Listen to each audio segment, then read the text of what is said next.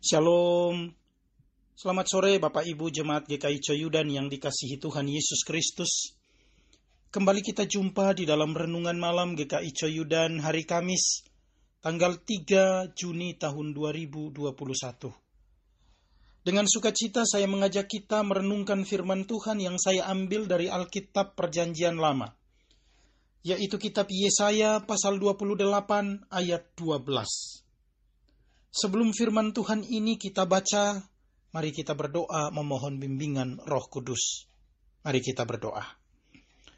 Allah Bapa kami yang ada di sorga, terangilah kami dengan roh kudusmu, agar di tengah-tengah keletihan kami, kami memiliki kerinduan untuk membaca dan merenungkan firman-Mu. Sekaligus kami rindu melakukannya di dalam kehidupan kami. Berfirmanlah ya Allah, karena kami telah siap mendengar. Di dalam nama Tuhan Yesus kami berdoa. Amin. Yesaya pasal 28 ayat 12, firman Tuhan berbunyi, Dia yang telah berfirman kepada mereka, Inilah tempat perhentian. Berilah perhentian kepada orang yang lelah. Inilah tempat peristirahatan. Tetapi mereka tidak mau mendengarkan. Demikianlah firman Tuhan. Haleluya. Bapak Ibu Jemaat GKI Coyudan yang dikasihi Tuhan Yesus Kristus, tema renungan kita malam ini adalah Allah tempat perhentian bagi orang yang lelah. Seorang petinju legendaris dunia yang bernama Mike Tyson. Saat jayanya ketika masih muda, ia sering mengalahkan banyak juara tinju dunia. Setelah mengalahkan petinju-petinju hebat, Tyson mulai takabur dan memecat pelatihnya. Saat menghadapi James Douglas, petinju yang tak punya nama, Tyson tidak mempersiapkan pertandingannya dengan serius ia malah pesta dan hura-hura dengan teman-temannya. Menganggap dirinya super hebat, tidak membutuhkan pelatih. Sehingga ia memecat pelatihnya. Akibatnya, Mike Tyson justru KO oleh petinju yang tidak pernah diperhitungkannya itu. Bapak Ibu yang dikasihi Tuhan, dalam bacaan ini sang nabi mengeluhkan kebodohan yang menyedihkan dari bangsa Israel. Bahwa mereka tidak mau diajar dan tidak memanfaatkan sarana-sarana anugerah Allah yang mereka miliki. Mereka masih terus berbuat hal-hal yang bodoh. Kesalahan-kesalahan mereka tidak diperbaiki. Hati mereka tidak diperbaharui apa yang dilakukan bangsa itu sangatlah jauh dari kehendak Tuhan. Setiap hari menyakiti hati Tuhan. Yang pertama, mereka tidak mau mendengarkan firman Tuhan. Firman Tuhan diberitakan, tetapi mereka menutup telinga untuk mendengarnya.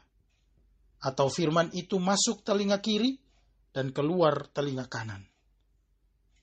Yang kedua, mereka tidak mau mengindahkan firman Tuhan itu. Bagi mereka itu hanyalah aturan demi aturan. Harus ini, harus itu. Dan pedoman demi pedoman. Mesti beginilah, mesti begitulah. Mereka tidak mau mengindahkan itu. Yang ketiga, mereka mencemooh pemberitaan sang nabi dan mengolok-oloknya. Mereka menjadikan perkataan sang nabi sebagai lagu dan menyanyikannya ketika mereka sedang berpesta pora, bersenang-senang dengan anggur. Paulus pernah menulis, "Sebab itu, siapa yang menyangka bahwa ia teguh berdiri, hati-hatilah supaya ia jangan jatuh." 1 Korintus 10 ayat 12.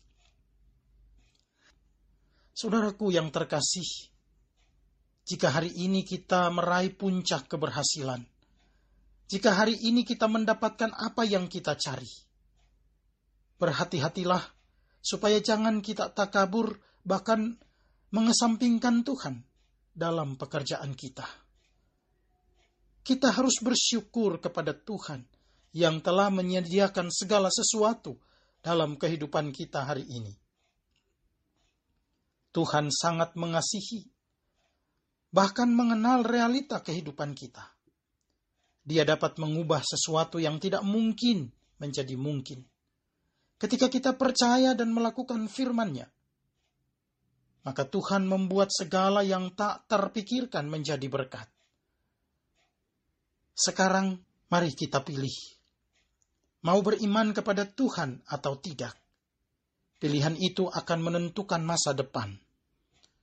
Namun melalui firman Tuhan ini saya mengajak kita untuk tetaplah berpegang pada firman Tuhan. Karena firman itu adalah kekuatan di dalam hidup kita. Kiranya Tuhan menolong kita untuk senantiasa berpegang pada firman-Nya. Tuhan memberkati kita. Amin. Mari kita berdoa. Bapa kami yang ada di sorga, kami mengucap syukur kepadamu karena kasihmu yang kami peroleh. Engkau telah menyertai hidup kami dari pagi hingga malam ini. Engkau juga telah menyediakan berkat-berkat bagi kami, baik berkat jasmani dan rohani, yang kami peroleh di sepanjang hidup kami hari ini. Kini kami kembali berjumpa dengan anggota keluarga kami. Kami bersyukur karena kami boleh dianugerahi kesehatan. Dan itu semua karena anugerah Tuhan. Terima kasih ya Allah atas firman-Mu. Biarlah kami senantiasa rindu melakukan kehendak-Mu. Jauhkan kami dari sakit penyakit, jauhkan kami dari kuasa-kuasa si jahat, dan biarlah kami hidup menurut kehendak-Mu untuk berpegang pada firman-Mu. Berkati istirahat kami malam ini. Sehingga besok pagi kami boleh bangun dengan semangat hidup yang baru untuk memuliakan nama Tuhan. Di dalam nama Tuhan Yesus kami berdoa. Amin.